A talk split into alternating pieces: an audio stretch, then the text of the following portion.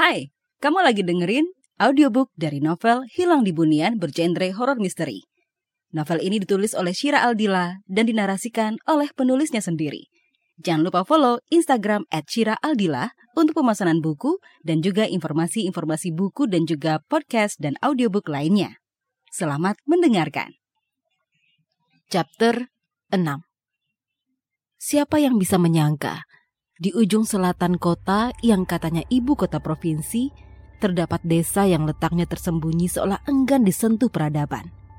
Di punggungi bukit barisan, tak lantas desa Sungai Pisang menjadi tempat yang tertinggal. Tuhan sedang tersenyum saat menciptakan tanah pesisir itu. Hijaunya hijau dan lautnya membiru sejauh mata memandang. Jika bukan di kota ini, Mungkin desa Sungai Pisang telah menjadi desa wisata incaran para turis manca. Namun surga itu seperti memilih siapa yang beruntung dapat menjajaki kaki di sana. Walau kadang harus menerima keadaan, ikut terisolasi dari dunia luar. Derry menggulir layar ponsel, memeriksa panggilan atau pesan yang masuk. Tetap kosong. Desa ini tidak menyediakan jaringan untuk sinyal telepon, apalagi internet. Tidak terfikirkan oleh Derry bagaimana orang-orang di kampung ini berkomunikasi dan mengirim atau mendapat kabar dari dunia luar. Terutama di zaman sekarang. Pantas surga tersembunyi ini tetap perawan. Andai saja pantai-pantai ini bermunculan di media sosial, Derry yakin semua akan menjadi viral. Di mana lagi bisa menikmati suasana pantai dengan kehidupan nelayan yang bersahaja Kapal-kapal kecil berlalu lalang saling menebar jala untuk menjaring ikan. Orang-orang bekerja secara bersama-sama, saling bahu-membahu menarik pukat yang telah disebar dari semalam. Ketika pukat telah berada di pantai, siapa pun dapat bebas mengambil hasil laut untuk dibawa pulang. Dari menatap kesahajaan itu dari gazebo Pak Ali. Dari kejauhan, tampak sebuah sepeda motor mendekat.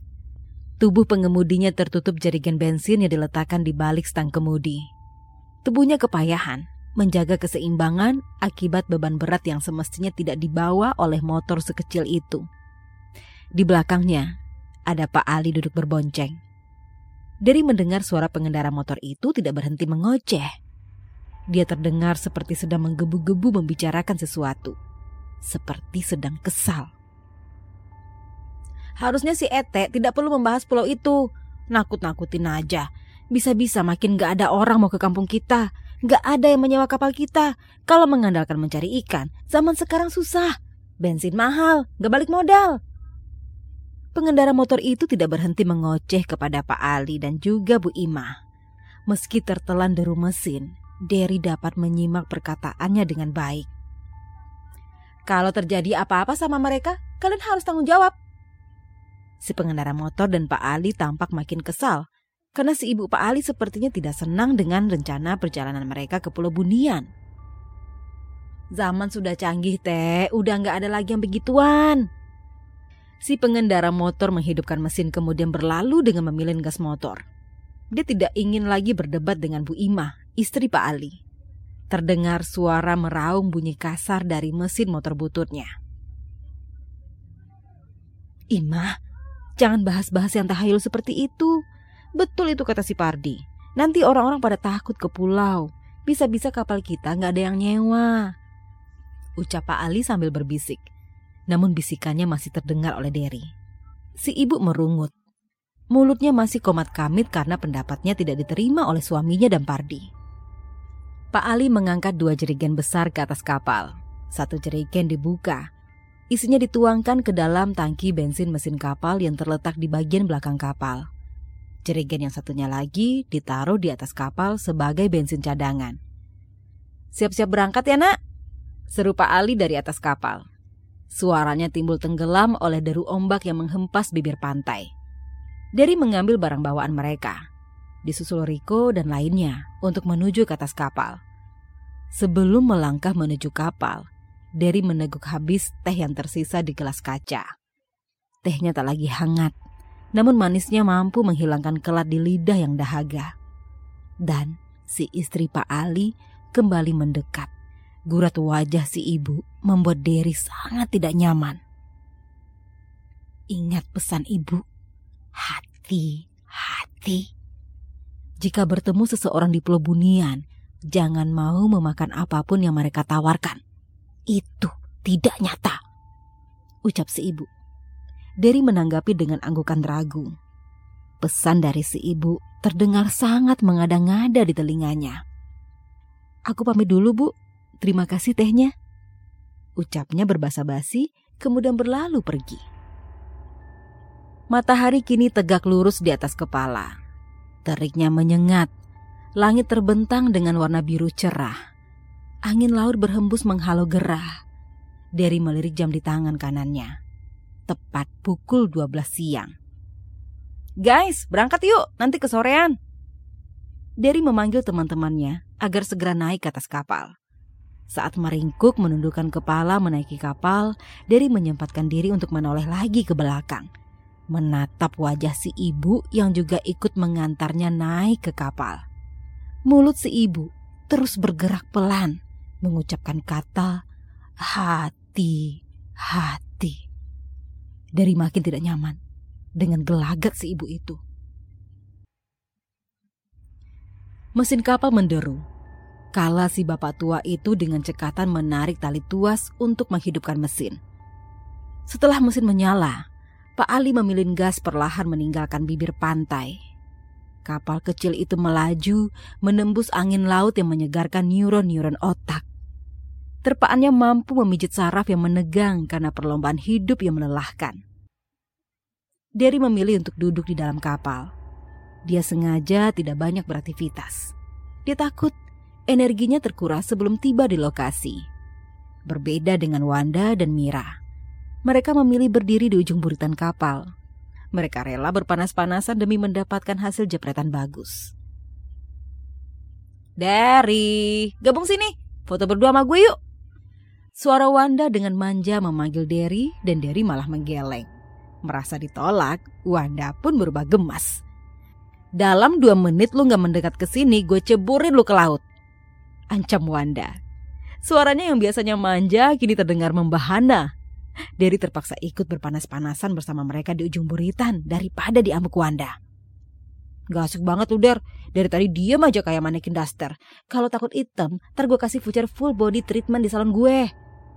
Ucap Wanda sewot, kecewa dengan Derry yang tidak banyak aksi dari tadi. Cus, foto yuk. Lanjut Wanda, nada suaranya kembali normal, manja seperti biasa. Kapal terus melaju, menembus angin laut yang bertiup ke arah utara. Langit membiru dengan awan putih yang berjajar rapi. Bias birunya memantulkan warna senada di permukaan laut. Pada bagian laut yang tidak terlalu dalam, warna biru itu memudar, membentuk warna toska yang menyejukkan mata. Dari atas kapal, mereka dapat melihat isi dasar lautan. Taman laut yang masih perawan, belum tersentuh tangan-tangan peradaban. Sepanjang perjalanan, Kapal yang mereka tumpangi melaju dengan kecepatan sedang. Laut perairan di sini tidak bergelombang karena mereka berada di perairan laut tenang. Sepanjang jalur yang mereka tempuh, terdapat tebing-tebing mengapit jalur pelayaran. Tebing-tebing yang menjulang itu seolah menjadi pagar pelindung surga yang tersembunyi di sini. Pulau-pulau kecil berjejer dan saling berhadap-hadapan. Letak antara pulau yang satu dengan yang lain saling berdekatan bahkan bisa ditempuh dengan berenang, dan perairannya pun terlihat dangkal. Derry tersenyum.